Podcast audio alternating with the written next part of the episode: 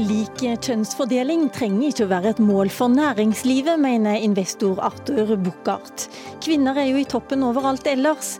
Farlig holdning, sier den nye sjefen i Innovasjon Norge. Voksne og barn settes bak gjerder i overbefolka migrantleirer i USA. Norge må gi tydelig beskjed om at dette er uakseptabelt, sier SV. Det ville være et slag i lufta som vil gjøre vondt verre, svarer forsker. Og elsparkesykler skaper kaos i Oslo. Byråden vil rydde opp, men påstår han ikke får lov av regjeringen. Og lærer med 20 års erfaring sier hun aldri har møtt en eneste elev som tror han kan skrive god nynorsk. Læreplanene er i endring, og nynorskdebatten er i gang igjen.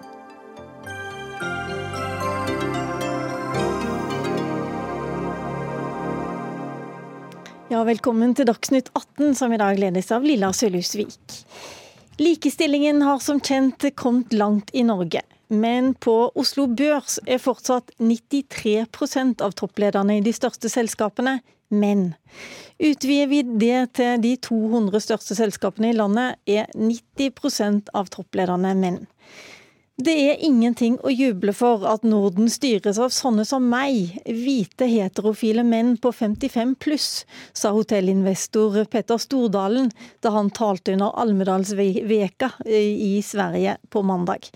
Men så kommer du, Arthur Buchardt, eiendomsutvikler og hotellmagnat, og så sier du at det er ikke noe stort problem at det er så få kvinner i næringslivet. Du, Først er det fint at Petter setter fokus på det. Det er viktig. Og når det gjelder næringslivet, så har han rett. Men når han sier at Norden styres, så er det feil. For Norden er mye mer enn næringslivet. Og samfunnslivet styres, i hvert fall i Norge, veldig mye av kvinner. Jeg satt på et fly i stad og fant ut at statsministeren er kvinne. Finansministeren er kvinne. Høyesterettsjustitiarius er kvinne.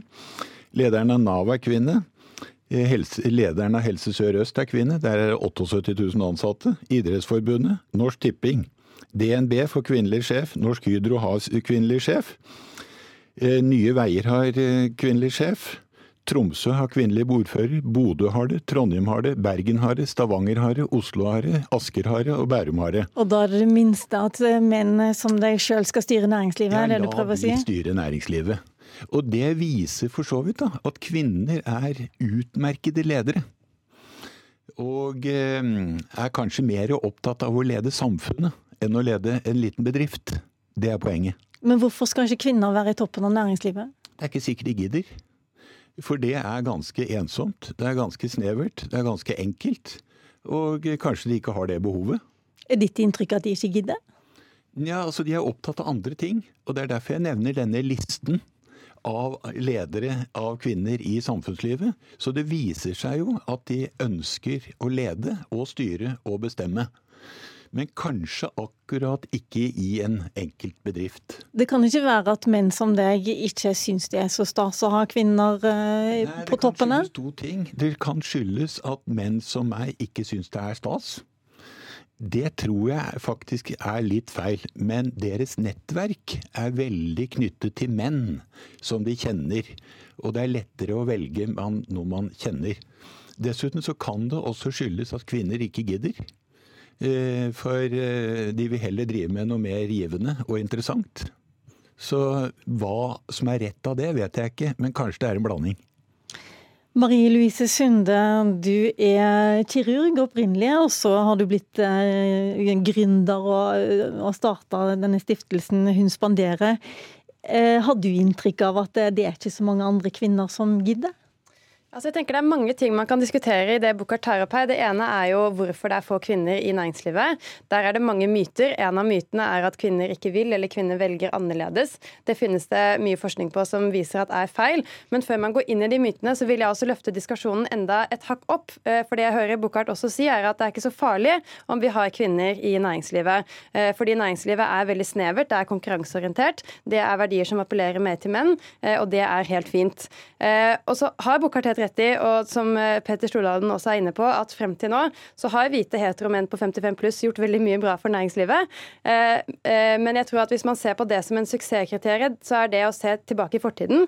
Det vi må se på nå, er hvilket næringsliv er det som vil være konkurransedyktig i dag og fremover. Men hvorfor er det da viktig å få inn kvinner? Jo, for Det som vil være nødvendig for et konkurransedyktig næringsliv, det er innovasjon, det er kreativitet, det er en enorm teknologisk og digital transformasjon som man skal gjennom, og det blir mer og mer viktig å holde på talentene.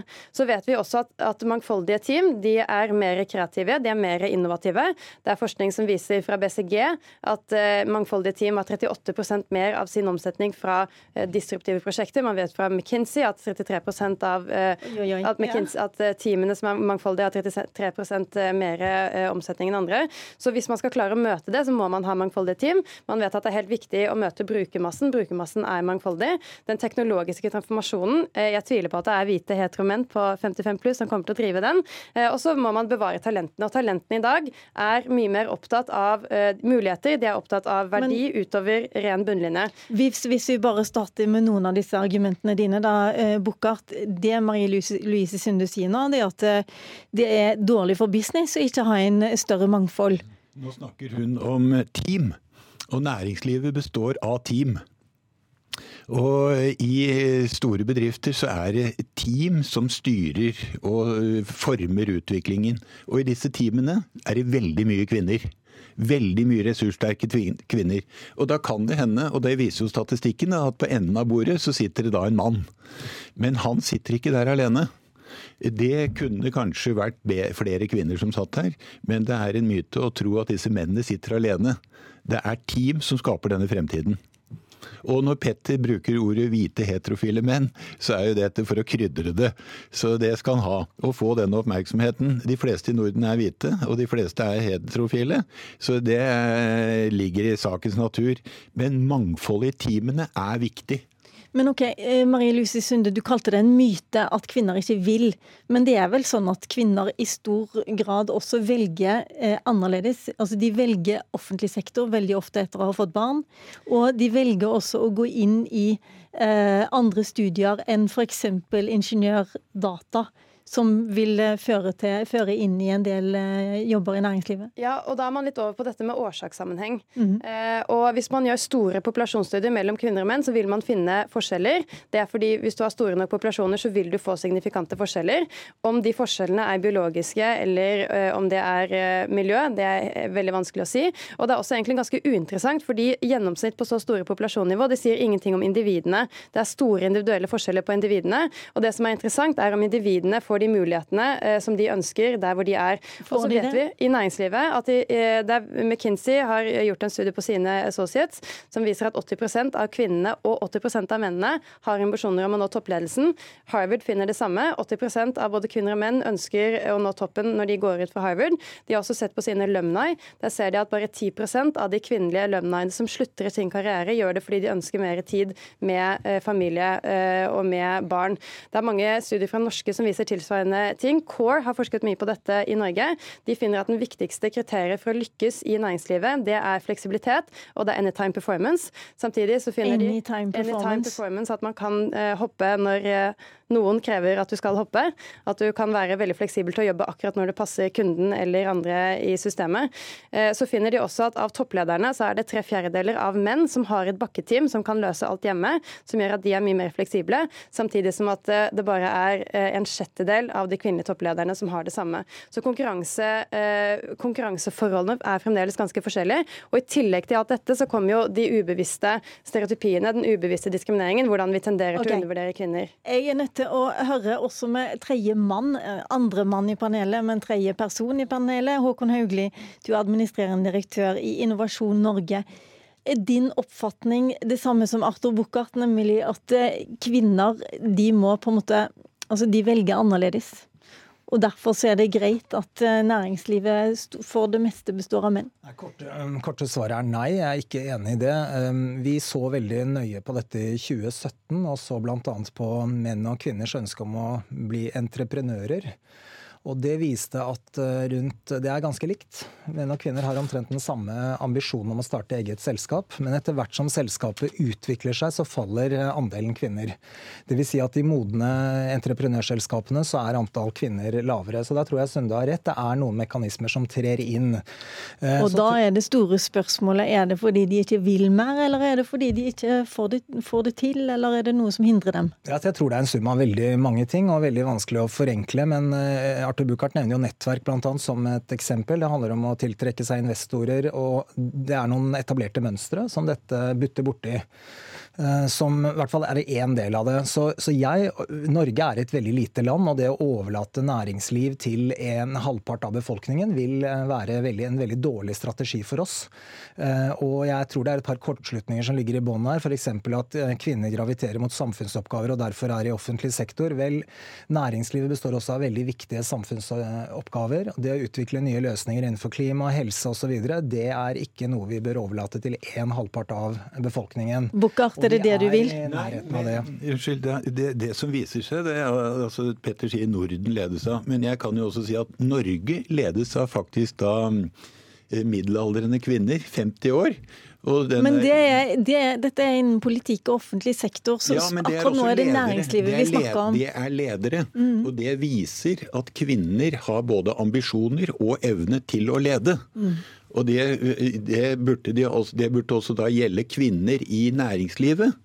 Og de er fullt kompetente. Og så kan man jo stille spørsmål hvorfor er de ikke interessert i det?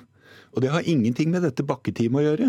For det bakketeamet det er der når disse lederne er i offentlig sektor, like mye som i privat sektor.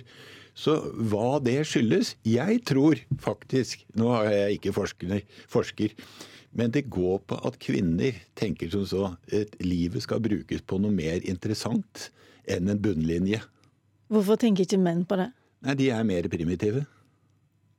Så enkelt som det, Marie-Lys Sunde? Eh, ja, i det du sier der, så hører jeg veldig mange stereotypier om hvordan kvinner er og hvordan menn er. Jeg tror ikke det er så enkelt. Jeg tror særlig næringslivet, En grunn til at det er få kvinner i næringslivet, som jeg nevnte så vidt i sted, er også denne ubevisste diskrimineringen.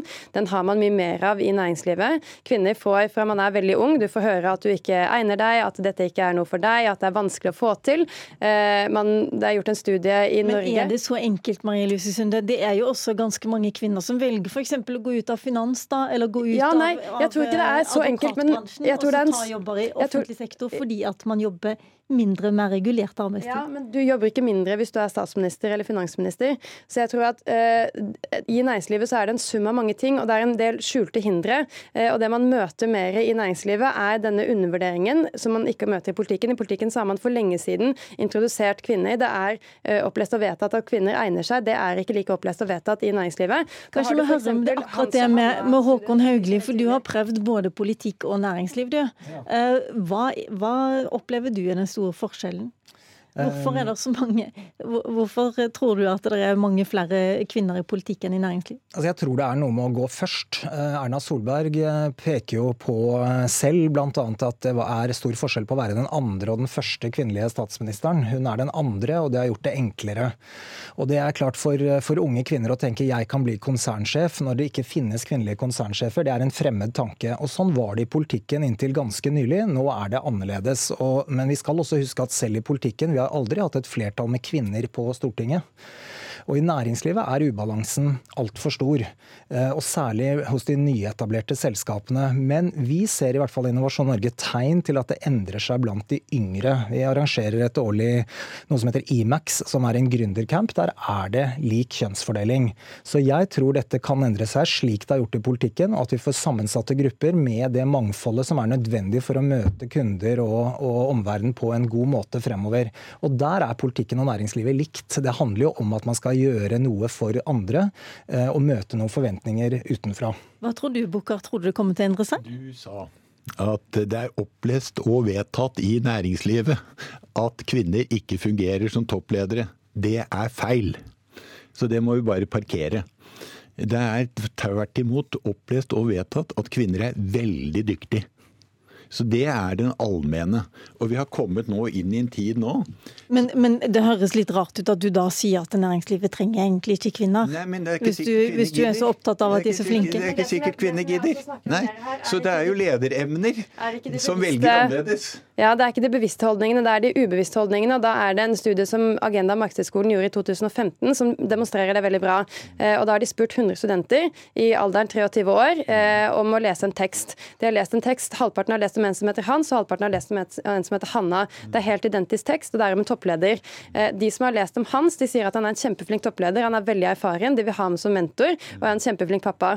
De som har lest om Hanna, de sier at hun er ikke en veldig flink toppleder, de vil ikke ha henne som mentor, og hun er ikke en god mamma. Og Dette er den, helt den samme teksten, og alle studentene sa i forkant at de hadde ingen motforestillinger mot kvinner. Så i næringslivet sitter disse ubevisste fordommene og holdningene sitter veldig mye sterkere, og det er nok med å bidra til en del av de hindrene som kvinnene møter der. Ok, Det var Marie Louise Sunde som fikk det siste ordet. Takk til deg. Takk også til Arthur Buchardt, som er investor, og til Håkon Haugli, som er administrerende direktør i Innovasjon Norge.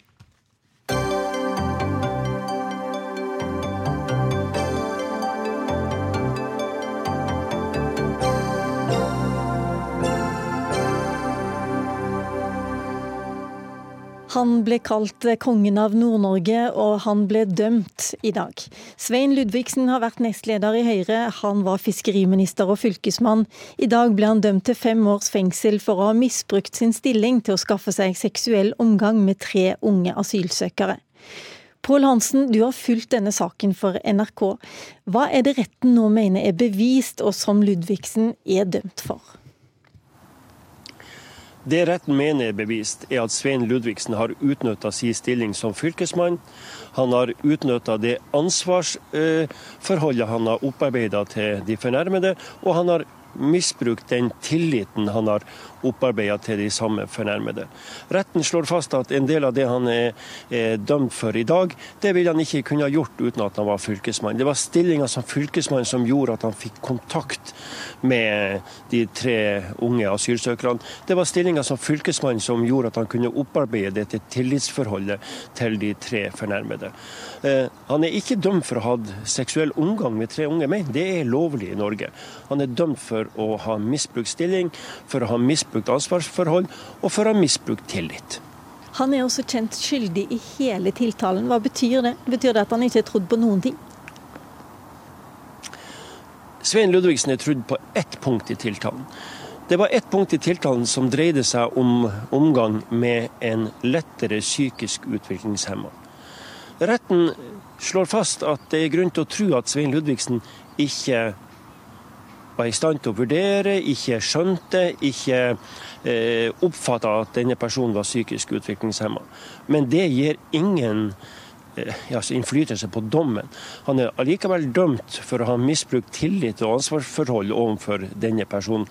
Så kort oppsummert så er Svein Ludvigsen i dag dømt etter hele tiltak, med unntak av ett forholdsvis lite punkt. Og Det betyr at eh, retten har valgt å tro på de tre unge mennene fra Afrika og Asia som, eh, som har fortalt sine historier. Det er de som har fått all troverdighet her? Ja, Når man leser dommen, så bygger den mye på de forklaringene som er gitt av de tre fornærmede.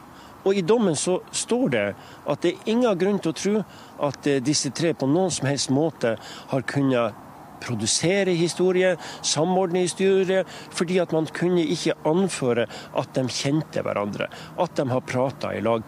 Og eh, I dommen så legges det stor vekt på at tre uavhengige personer har beskrevet de samme modusene, den samme fremgangsmåten, men har hatt forskjellige opplevelser i grad av eh, seksuell kontakt med Svein Ludvigsen.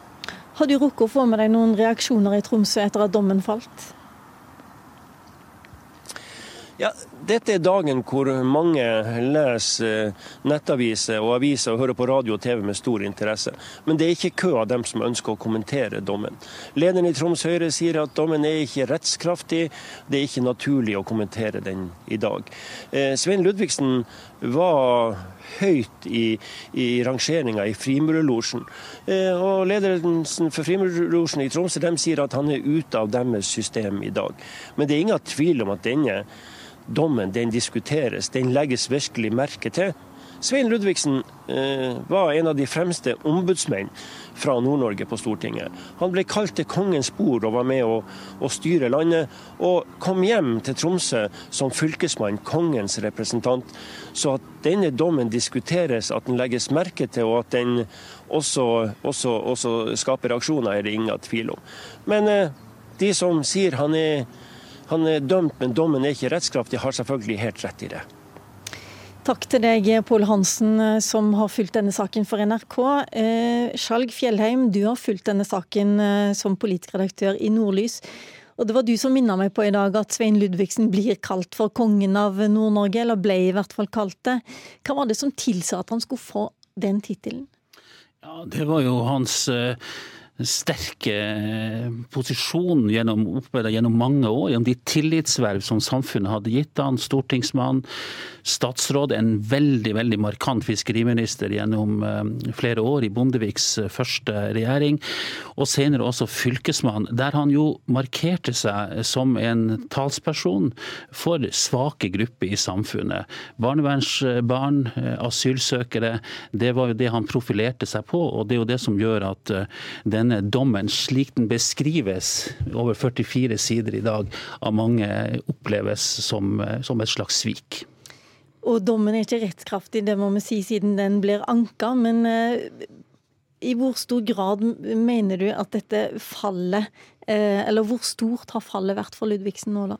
Det er jo ingen tvil om, og dette er jo dessverre nådeløst for Ludvigsen, slik, slik denne dommen fremstår, altså over 44 sider, så eh, er det jo dette Ludvigsen, eh, dette som blir Ludvigsens ettermæle. Alt det andre han har gjort som politiker, som samfunnsmenneske, eh, vil dessverre falle i grus. Og det er dette siste, som retten beskriver som kyniske og alvorlige overgrep, som blir stående igjen, dessverre.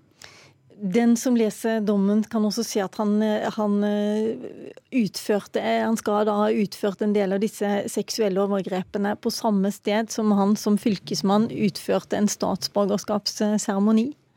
Ja, og det er klart at dette gjør jo et veldig inntrykk på folk.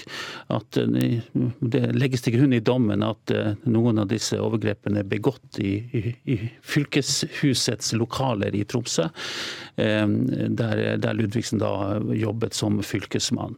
Og det er klart at dette er jo en unik sak i norsk politisk historie, en, en sak som savner sidestykke i norsk etterkrigshistorie. Det har aldri tidligere skjedd at en person med så høye tillits tillitsverv i det norske samfunn har blitt domfelt for denne type eh, forbrytelser. Men likevel, likevel der er altså tre fornærma i saken som har fått et veldig høyt eh, erstatningsbeløp eh, på 743 000 kroner i dag. Og konsekvensene for dem har vært enda større, kanskje? Ja, Vi har jo hørt beskrevet i retten sakkyndige som har fortalt hvilke traumer de da skal være påført pga. dette, og hvilke problemer de har fått eh, som konsekvens av dette. Dette var jo tre unge muslimske menn eh, fra ulike land som var de fornærmede i saken. Og at erstatningsbeløpene er såpass høyt, såpass høye, er jo i seg sjøl et slags vitnesbyrd om at eh, retten har lagt vekt på at skadevirkningene har vært til dels store. Hva er grunnen, tror du, til at eh, Man skulle ikke tro i utgangspunktet at tre asylsøkere, de har fått opphold og statsborgerskap også, flere av dem, men eh, at, at de skulle bli trodd, og ikke en høyt rangert mann som Ludvigsen? Nei, Der tror jeg vi finner forklaringa i det norske rettssystemet. Eh, som jo midt i alt dette mørket som vi ser i dag, så kan vi si at det tross alt fungerer. Og det er jo da lyspunktet her at det er den svake part som har blitt hørt, og det er den sterke part i utgangspunktet som, som, ikke har blitt hørt, og som blir ansett som ikke troverdig. Så, så, det er jo en slags eh, hva skal vi si, Det er kanskje litt feil å bruke ordet triumf, men det er i hvert fall en seier for eh, rettssikkerheten og rettsstaten Norge, denne, denne dommen eh, som, som ble stadfesta i tingretten i dag. Hjertelig takk, Skjalg Fjellheim, politisk redaktør i Nordlys.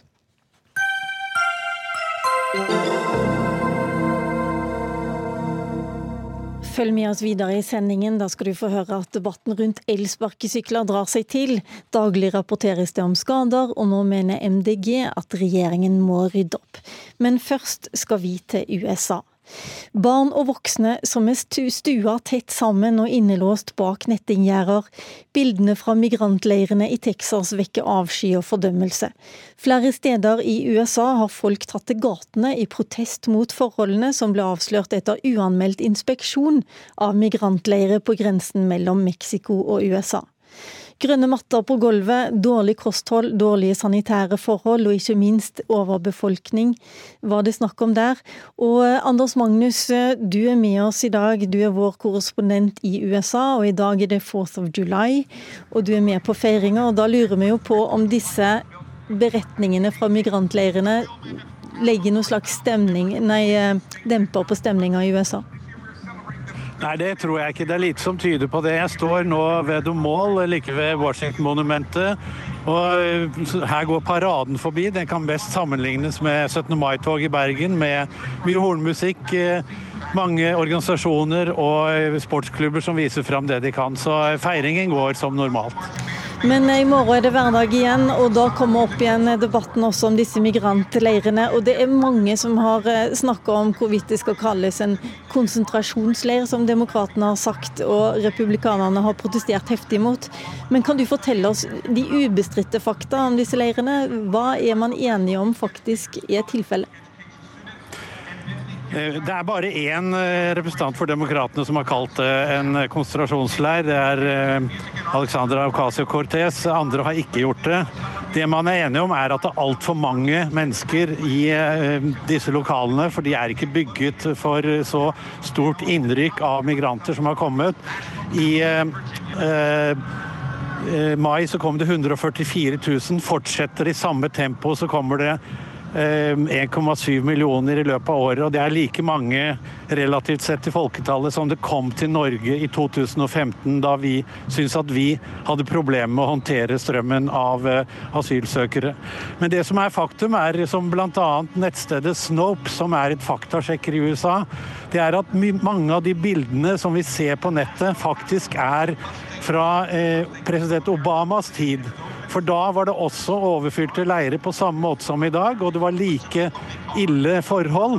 Men det, det er jo ingen unnskyldning for at, at de er eh, så dårlige. Men nå sier republikanerne at hadde demokratene gått med på å bevilge mer penger til eh, grensepatruljen litt tidligere, så kunne man unngått eh, disse forferdelige forholdene. Tusen takk til deg, Anders Magnus i USA. Jeg snur meg til deg, stortingsrepresentant for SV, Kirsti Bergstø. Dere har levert et skriftlig spørsmål til utenriksministeren, der dere ber om at Norge gir tydelig beskjed om at eh, forholdene som er i disse migrantleirene er uakseptable. På hvilken måte vil det hjelpe? Internasjonale reaksjoner gjør jo inntrykk. Eh, og når vi ser at uh, unger er fratatt foreldrene sine, uh, når man mangler mat, drikke, sanitære forhold er kritikkverdig, og ord som konsentrasjonsleir er blitt brukt og støtta av historikere, ja, da er det ikke tid for å sitte stille i båten. Da er det tid for å reagere. Eh, og da er vår klare forventning eh, at, eh, at regjeringa gir en sterk tilbakemelding til USA. At man fordømmer at unger fengsles inne i konsentrasjonsleirer.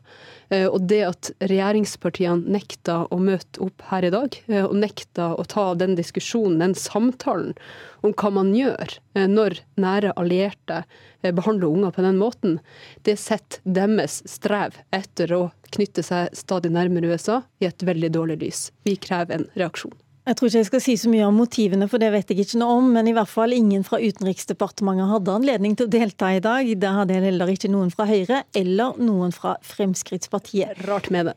Men heldigvis så hadde du mulighet, Christian Berg Harpviken, du er forsker ved Institutt for fredsforskning, PRIO.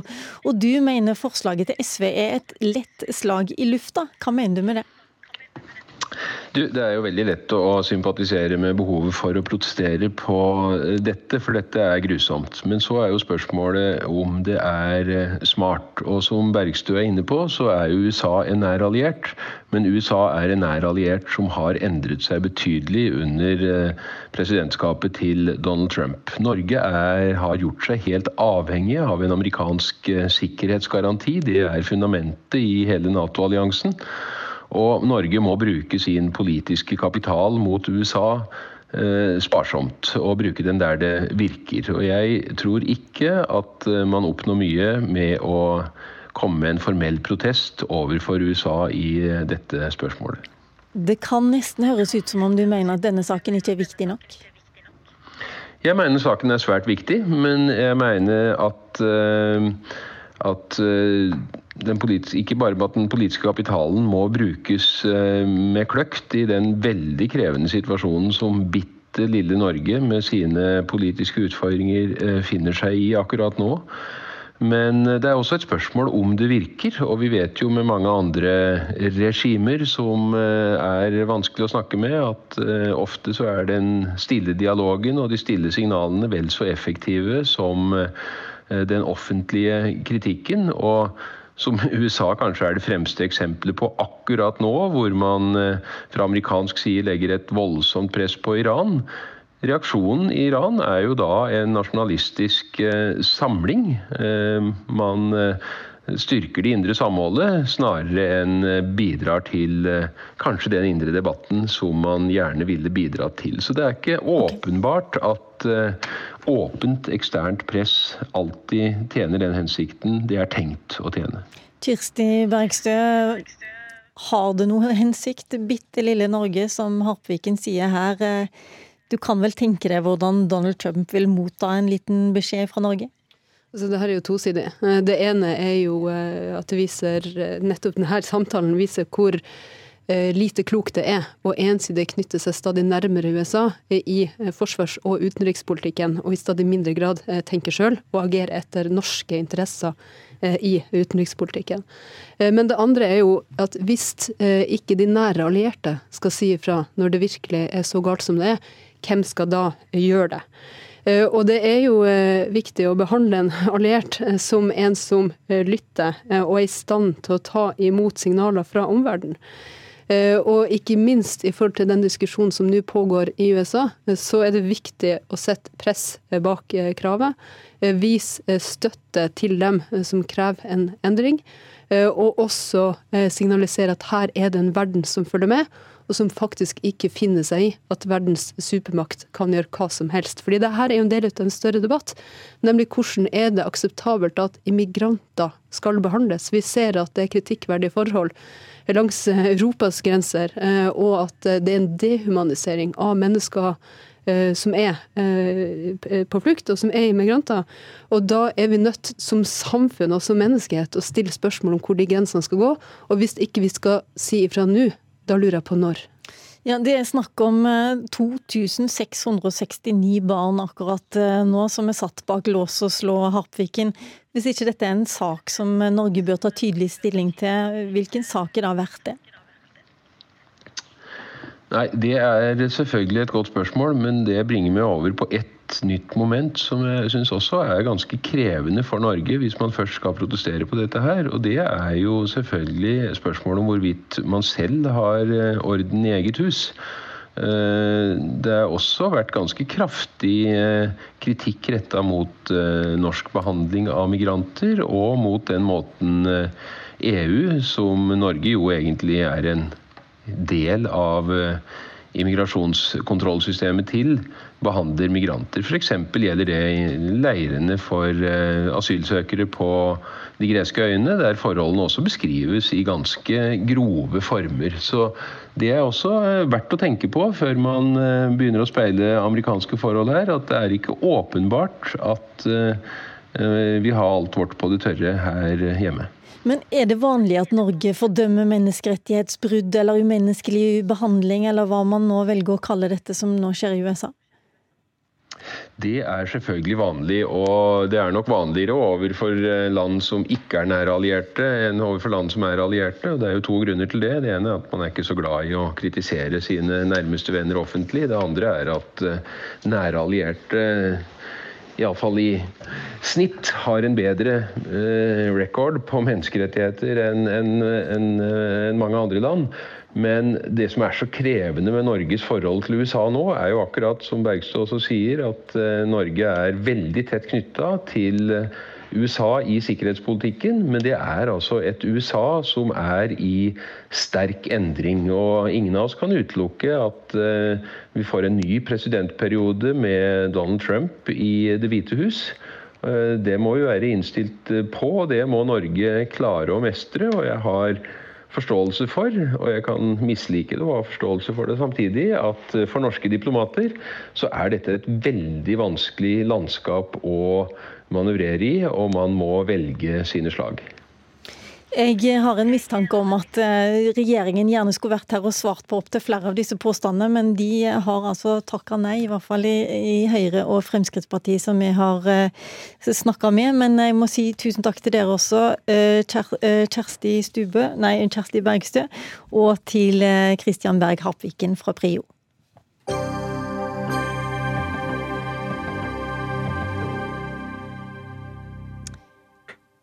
I am, you are, he, she, it is. De fleste har fått det med seg på skolen, men å bøye det nynorske ordet å være er, var, har, våre, det vil bare ikke sitte.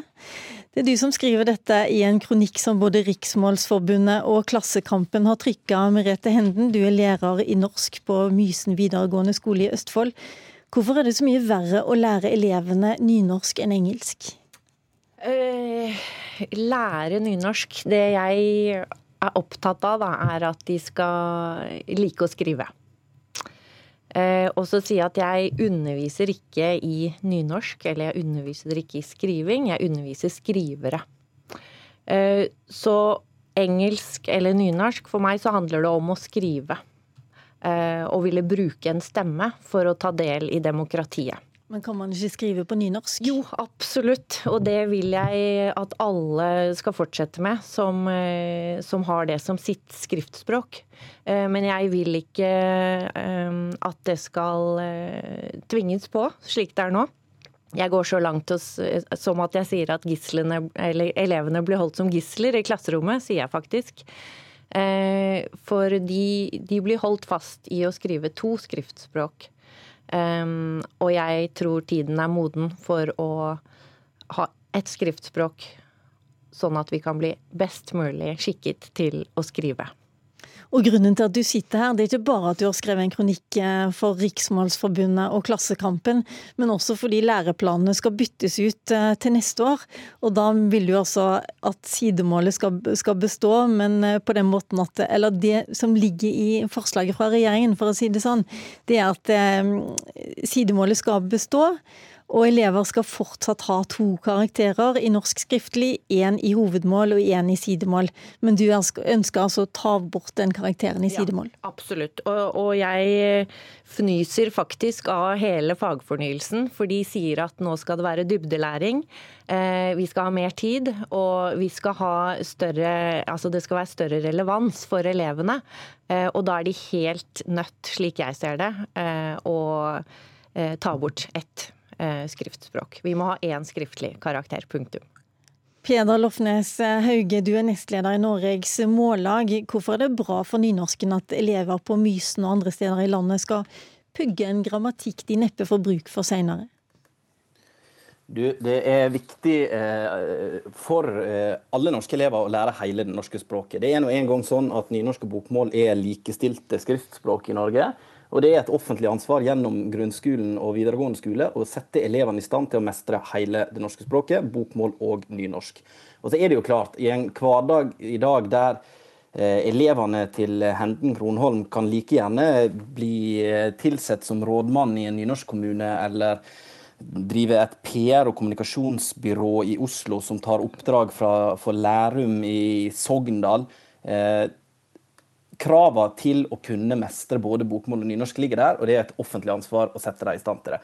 Og så må jeg jo si at det er jo litt sånn oppsiktsvekkende å, å, høre noen som er utdanna for å drive med lese- og skriveopplæring, synes at det er så vondt og vanskelig å drive med lese- og skriveopplæring. Eh, og Det er jo ikke rart at elevene til Kronholm ikke forstår poenget med å lære seg nynorsk, når norsklæreren deres sitter på Dagsnytt 18 og sier at det ikke er noe vits. Og så blir jeg litt oppgitt når, når hun bruker ord som gisler i klasserom, kunstig sprøytemiddel og tvang. Jeg er ikke overraska over at dette gjør noe med holdningene til nynorsk i klasserommet hennes, men jeg skulle likt å høre henne snakke slik om andre deler av læreplanen. Da vil jeg gjerne si at mine elever er glad i nynorsk. Hele slekta mi bor i Sogn og Fjordane, og jeg vil gjerne kjempe sammen med deg for å styrke det norske språket. De har ingenting imot nynorsk. Den har en soleklar plass i læreplanen, men den skal stå i språkhistoria og i litteraturen. Men som et kunstig skriftspråk eh, mener jeg eh, ikke er hensiktsmessig. Um, og dessverre så lærer de ikke å skrive nynorsk, selv sier, om de har det på mm. skolen. Mm, men Merete Henden, altså, du sier at gjennom dine 20 år som norsklærer på Mysen, så har ikke du truffet en eneste elev som sier han eller hun behersker nynorsk? Jeg har jobbet 16 år i Oslo-skolen, eh, på ungdomsskolen der. Og jeg har vært fire år i Mysen nå, på videregående. Um, og jeg vil gjerne vise til Frøydis Solbergs interessante artikkel. Hvor avgjørende det er å ha trua på at en kan skrive. Uh, og det er kunstig for dem. De skal ikke skrive nynorsk utenom skolen. Og den dagen de får en stilling som om det er rådmann i Lom eller ansvarlig for Lerum, eh, ja, så har de ikke eh, nynorsk skriftspråk på plass i bagasjen. Dessverre. Men jeg vil ha mer glede inn i norskfaget, og jeg mener fagfornyelsen eh, som understreker dybdelæring, ja, da må de rydde plass. Kan det mer, bli mer glede over språket og også, det, også over nynorsken, hvis man slipper å ha det som en tvang, Lofnes Hauge? Ja, men Nynorsken er ikke noe mer tvang enn noen andre deler av det elevene får lov til å lære når de sitter i klasserommet. Det er en ordbruk her som er ganske eh, ja, Den er jo åpenbart bevisst eh, valgt, men, eh, men, den henger ikke på greip. Det er jo en gang sånn at hvis samfunnet skal sikre seg at nynorskkompetansen finnes, så må vi ta ansvar for at alle elevene mestrer det. Eh, det er fint og flott at Henden har røtter i Sogn og Fjordane, det har jeg òg. Men hvordan skal en skaffe lærere i Sogn og Fjordane som mestrer nynorsk, som er skriftspråket de aller, aller, aller fleste elevene i Sogn og Fjordane skriver. F.eks. dersom ikke eh, elevene blir sett i stand til å skrive både bokmål og nynorsk. Men kan det være noe med nynorsken som, som, gjør at eh, altså, man ikke har f.eks. For fornya seg, at det ikke er nye måter å lære nynorsken på, som gjør at vi tar disse nynorskdebattene igjen og igjen og igjen? Ja, men alvorlig talt, altså Nynorsken er ikke noe mer kunstig skriftspråk enn noe annet språk i hele verden. Eh, det er helt normale mekanismer som foregår når en driver språkinnlæring. Og Vi har jo sagt det i mange år, vi, hva vi vet fungerer. Det er tidligere start, med systematisk god språkopplæring, med språkmektige lærere som mestrer og driver engasjerende god lese- og skriveopplæring ikke som stritter imot. Og Sånn er jo de aller, aller, aller fleste norske lærerne. Står ute i klasserommene, er våpendragere for nynorsken. Eh, men de bør få lov til å begynne tidligere. Det må være systematisk opplæring. Og vi må ha en læreplan som sikrer at kompetansekravene til de to offisielle likestilte skriftspråkene i Norge er på plass. Kan det hjelpe om de begynner tidligere, Merete Henden? Eh, jeg tror ikke det. Og jeg vil gjerne si at eh, jeg har elever, 16-årige eh, elever som tar toget fra Mysen. De går på Det Norske Teater, betaler av egen lomme. De er glad i nynorsk, og de leser bøker nå i sommerferien. Jeg gjør alt jeg kan for å både motivere og engasjere. Eh, og det tør jeg påstå at jeg har gjort i 20 år, eh, både i Oslo og nå i Mysen. Eh, ungdommer fra 13 til 18 år. Ja, de liker nynorsk, de har ingenting imot nynorsk, men det å måtte skrive to skriftspråk, det klarer jeg ikke å forsvare. Men nynorsken, ja, den vil jeg ha. Og jeg har lyst til å, å si, hvis vi nærmer oss, oss slutten, slutten ja. Jeg har lyst til å si saman er vi mindre aleine, og vi trenger å styrke det norske språk fremad norsk, og nå kommer det ny norsk språklov, og jeg håper at vi kan stå sammen og styrke språket. Takk da tar vi med oss det. Takk til deg, Merete Henden, og takk også til Peder Lofnes Hauge, som er nestleder i Norges Mållag.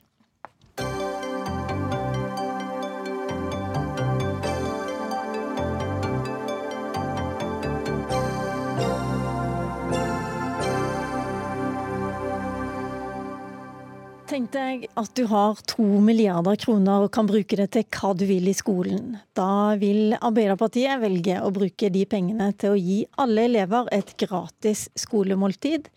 Eh, dessuten skal ungdomsskolen få tilbake igjen frukt og grønt.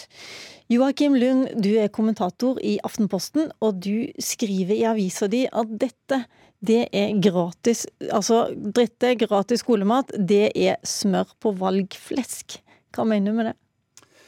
Jeg mener jo at det er en uh, veldig veldig dyr uh, investering. Det, Arbeiderpartiet har selv beregna det til over 2,3 milliarder uh, kroner i året. og Det kan jo være greit det, hvis man føler trygghet for at det er en god investering. Men det klarer jeg ikke å se at det finnes særlig god dokumentasjon for. Det viktigste argumentet for er, er nok at en del barn ikke har med seg mat på skolen. Det er Forskningsrådet som sier det, i en nå ganske gammel rapport. Eh, men hvis man ser på den rapporten, så har 97% av barneskoleelevene har med seg mat på skolen. Færre ungdomsskoleelever har det, og enda færre videregående. Men det handler jo da om at de har egne penger som de disponerer, og de velger å kjøpe mat istedenfor å eh, smøre matpakke. Ingvild Kjerkol, du er helsepolitisk talsperson i Arbeiderpartiet, eh, og du har reagert på Joakim Lunds innlegg. Hvorfor det? Eh, vi mener jo at det her er en god investering i folkehelse, først og fremst. Og så er det etter hvert flere studier som også viser en veldig positiv sammenheng mellom god ernæring, eh, gode skolemåltid og god læring og trivsel. Sånn at uh, det her, her, er et kinderegg, egentlig. God helsepolitikk du, og god opplæringspolitikk. Men kan du vise til bedre dekning? Han etterlyser mer forskning, f.eks., som viser at dette er det absolutt riktige å gjøre? Ja, nå er det jo først i 2017 at Arbeiderpartiet har det her som vår vedtatte politikk. Vi har eh, venner av oss på venstresida i norsk politikk som har ment det her lenge. Og dere, og... Sa, ja, dere sa absolutt nei i 2005, da SV ville ha gratis skolemat? Ja, det gjorde vi. Vi syns det er veldig positivt med skolemåltid, men nå har vi etter hvert så tung dokumentasjon på at universelle ordninger, det er dem som når alle, løfter en hel befolkning. Og når det er snakk om ernæring, bare det å få etablert gode kostholdsvaner, har vi gode beregninger på at vil gi store besparelser i helsetjenesten. Så her har vi ikke vært lempfeldig lemfeldig eller lettvint til verks. Her har det vært mye dokumentasjon, tunge faglige råd. Og det som koster i dag, det er helseutgifter. Det er beregna til 360 milliarder i helseutgifter. Og For noen år siden så gjennomførte Helsedirektoratet en undersøkelse bare med disse utvalgte livsstilssykdommene. hva kostnadene er knytta til dem, og beregna at bare ved å få folk til å følge Statens ernæringsråd, så ville man kunne spare 150 milliarder i året i helseutgifter. Og da blir 2,3 milliarder lite penger. Da må du se på det som å kjøpe såkorn, så en åker, og så høster man av det andre steder i eh, nasjonalregnskapet. Joakim Lund, eh, jeg lurer på, Har du noe forskning som viser det motsatte, at dette har liten effekt? Problemet er jo at det, eh, at det, finnes for lite dokumentasjon. da. De studiene, de studiene det pekes på vanligvis, det er jo da den rapporten fra Forskningsrådet fra 2011. Anniken Barr Bugge i SIFO gjorde en studie i 2007 på ungdomsskoletrinnet. Hun fant ut at matpakka lever og er faktisk populær. Det elevene der etterlyste, var kjøleskap, så maten kunne være eh, fresh når de skulle spise den. Tilgang på kaldt vann Eh, ha nok tid til å spise og, og sånne ting. da. Sånn at det å sette likhetstegn mellom å investere 2,3 milliarder kroner i året og, at, eh, og, bedre folkehelse, den er for enkel. Det går ikke, for, for da retter du det tiltaket mot også de 97% på barneskoletrinnet som har med seg god og sunn mat hver dag. Kan jeg spørre begge to, Finnes det noen andre land i Europa som ikke har eh, skolemat? Felles måltid? Det finnes to. Hvilke da? Eh, Albania og Danmark. Er dette land du liker å sammenligne deg med, Joakim Lund?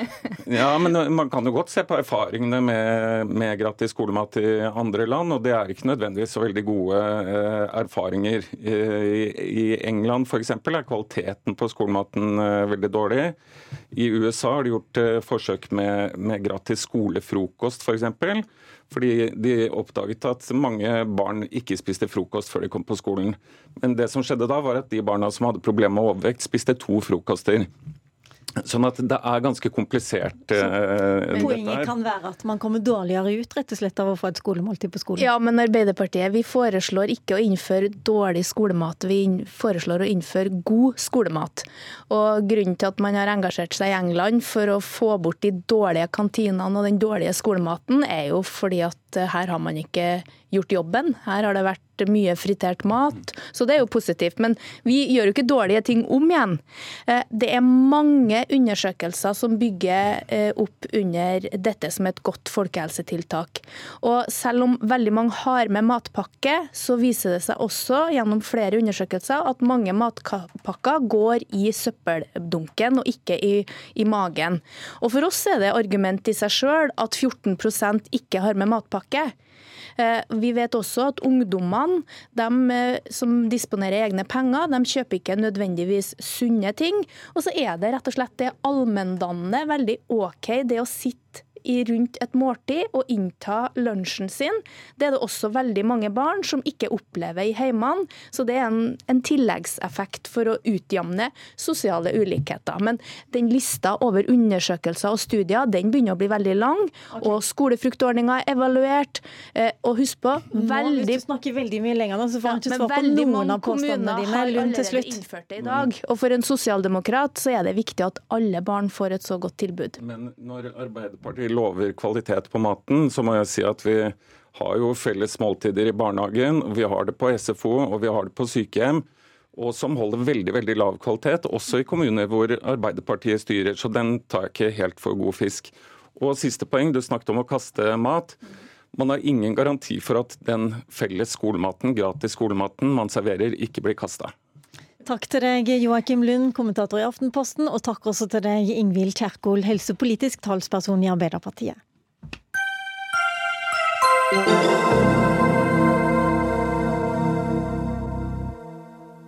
Tilreisende på besøk i Oslo kan se folk suse rundt på elektriske sparkesykler som blir parkert overalt, og gjerne midt på fortauet. Og om du tror de er miljøvennlige, må du kanskje tro om igjen også. Levetiden kan vare en eh, knapp måned, og i går skrev Aftenposten om elsparkesykler som ligger dumpa i Akerselva. Legevakten rapporterer på sin side om tre-fire skadde hver eneste dag i juni. Og Arild Hermstad, du er byråd for miljø og samferdsel i, for MDG i Oslo. Nå vil du rydde opp, men du sier at du får ikke lov av regjeringen. Hvorfor det? Grunnen til det er jo at regjeringen eh, liberaliserte dette markedet ved å si at dette er å regne som en sykkel. Ehm, og hvis man skal regulere elsparkesykler, som jo er motoriserte kjøretøy, eh, så er vi nødt til å gjøre det samme med syklistene som vi gjør med elsparkesykler. Og det betyr at vi egentlig er sjakkmatt. Eh, vi kan gjøre mye, og vi gjør mye for å unngå problemene. Men til syvende og sist så har ikke vi muligheten til å sette ned foten når vi ser at vi burde kunne regulere dette på en bedre måte. Disse elsparkesyklene absolutt mest om, eh, altså, hva heter det, ombredt, eller det er flest av de i Oslo, men eh, Trondheim er også nå i ferd med å få disse elsparkesyklene. Og jeg lurer jo litt da på Bård Hoksrud, stortingsrepresentant for Fremskrittspartiet. Hvorfor vil dere ikke regulere? Nei, men Det er jo reguleringer. altså Det er sånn at Elsparkesykkelen må forholde seg til akkurat de samme regler som elsykkel og vanlig sykkel. Altså Jeg har lyst til å si det da, at uh, dette handler jo ikke bare om at det er elsparkesykler som har mange ulykker. altså Det har vi sett også på vanlig sykkel, på elsykkel. Og for 14 dager siden i Stortinget så ville MDG øke fartsgrensene på elsykkel. Dette handler om de som sitter oppå, enten det er en sparkesykkel eller det er en vanlig sykkel eller om det er en elsparkesykkel. Så må man faktisk ta hensyn, og veitrafikkloven er veldig tydelig, så det ligger mange begrensninger og hvordan folk skal oppføre seg. Og man kan faktisk slå ned hvis man ikke oppfører seg sånn som man skal. Har du vært en runde i byen i det siste og sett disse elsparkesyklene ligge rundt omkring? Ja, jeg har vært veldig mange runder rundt omkring, for jeg er ute og går nesten hver dag ja, for å få skritt. Så, det, er, så, så det gjør jeg. Og det er klart at det er ikke noe smart at folk bare slenger ifra seg. De bør faktisk oppføre seg. Og det er jo, sånn, det er jo ikke sånn at man slenger fra seg syklene rundt omkring i utgangspunktet. Det hender det ligger noen sykler strødd rundt også. Men det, det er jo ikke sånn at man skal gjøre det. Men det handler også om fleksibiliteten. Og man skal ha med seg at det er jo et kjempepopulært. Da. Det er mange som bruker det og syns dette er fantastisk bra. Og det er en fin måte å transportere seg fra A til B på en rask og effektiv måte. Men man skal ta hensyn til også andre trafikanter og andre som er ute i trafikken. Hva er det du ber om, Hermstad? Jeg ber jo om at Samferdselsdepartementet ikke skylder på vanlige folk fordi at de slenger de fra seg, men at de bruker verktøykassen for det vi kan gjøre. Det er jo eh, å få dette populære tilbudet inn i litt mer sømmelige former. Eh, Og Da trenger vi erfaringer underveis. Vi trenger å lære underveis, men da trenger vi òg å kunne regulere hvor skal vi kunne parkere de, hvor skal de kunne kjøres, hvor bør de ikke kjøres. Eh, Og så tror jeg at ja, eh, de følger de samme reglene som veitrafikkloven. Eh, Men hvem er det som håndhever veitrafikkloven? Jo, det er politiet. Og Politivedtektene er tydelige på at vi, vi kan si nei til veldig mye. Men det er jo ikke sånn at politiet har fått en masse penger av departementet for å håndheve disse reglene. Så det er jo eh, Det hadde vært mye enklere og mindre byråkratisk hvis vi som vet hvor skoen trykker, som f.eks. styrer i Oslo eller styrer i Trondheim, kunne fått lov til å finne ut hvor det er smart at det er frislipp av elsparkesykler. Da får vi, vi får mye mer ut av det. Det blir mye gøyere for alle, og det blir tryggere for folk i gaten å ferdes der. Lov- og ordenspartiet vil vel ikke at politiet skal bruke alle kreftene sine på å hente inn sparkesykler, eh, Hoksrud? Definitivt at ikke vi skal bruke alle politiets, politiets ressurser på det. Heldigvis har politiet fått mye mer ressurser, men ikke spesifikt til dette her. Men forskjellen på, på Hermstad og eh, Miljøpartiet De Grønne og Fremskrittspartiet er at han tror at hver gang vi får noen utfordringer, så er liksom det eneste er løsningen. Det er å regulere, forbud, påbud og, og gjøre det vanskelig for folk. Altså Poenget er jo elsykkel har blitt fantastisk bra, og mange bruker det fordi det er veldig lett tilgjengelig. Det er mye mer tilgjengelig.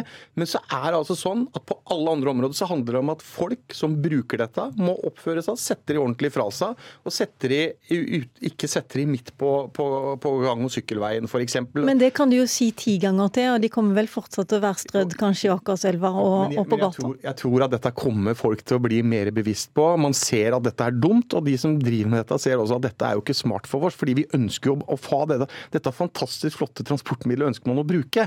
Og Man da, må jo- man legge, da må man også passe på det òg. Og som sagt, altså, dette er akkurat det samme som det er med, med sykler og elsykler og andre. Så vi må altså passe på at ikke vi begynner sånn regulering og, og den type samfunn. og Det ønsker ikke jeg, men jeg skjønner at, at Hermstad og MDG plutselig er veldig opptatt av å gjøre det akkurat på dette her.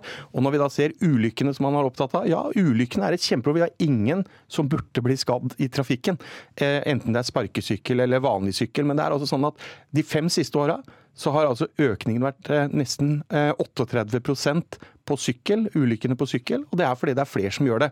På samme måte som det er mange som nå bruker elsparkesykkel. Og så må vi jobbe med holdninger og jobbe for å få folk til å, eh, å oppføre seg. Det er jo veldig interessant å, å, å spørre hva departementet egentlig har gjort for å spre disse gode holdningene som du, du Du kan gjerne gjøre det her i studio og be folk oppføre seg, men virkemidlet du har, det er jo å kunne regulere. Og jeg vet jo at ikke det foregår noe særlig holdningsskapende arbeid om dette fra regjeringens side. Så du dumper dette problemet til oss, og jeg syns i utgangspunktet så er jeg hjertens enig. Dette er ny teknologi. Det er fantastisk å kunne eh, få folk til å for så vidt både ha det gøy, men ikke minst at du kan bytte ut bilen din med et godt kollektivnett, som vi har i Oslo. Vi har jo et fantastisk godt kollektivnett. Hvis du kan få dette til å spille sammen med disse elsparkesyklene, så er det en kjempegod løsning. Men aversjonen mot at vi kan innføre ganske greie, enkle retningslinjer og reguleringer som kommune, det skjønner jeg ikke noe av. Jeg trodde jo egentlig at Frp syntes at lokaldemokrati var en god, ti, god ting, og at de som faktisk bor et sted, kan få lov å regulere det sjøl. Men her, her gjør dere det motsatte, og dere bare lukker øynene og sier at nei, dette er ikke vårt problem, det kommer til å ordne seg, og ulykkene går ned en eller annen gang i fremtiden. I mellomtiden så er det altså ganske mye kaos der, og folk ønsker seg at dette skal fungere bedre for alle.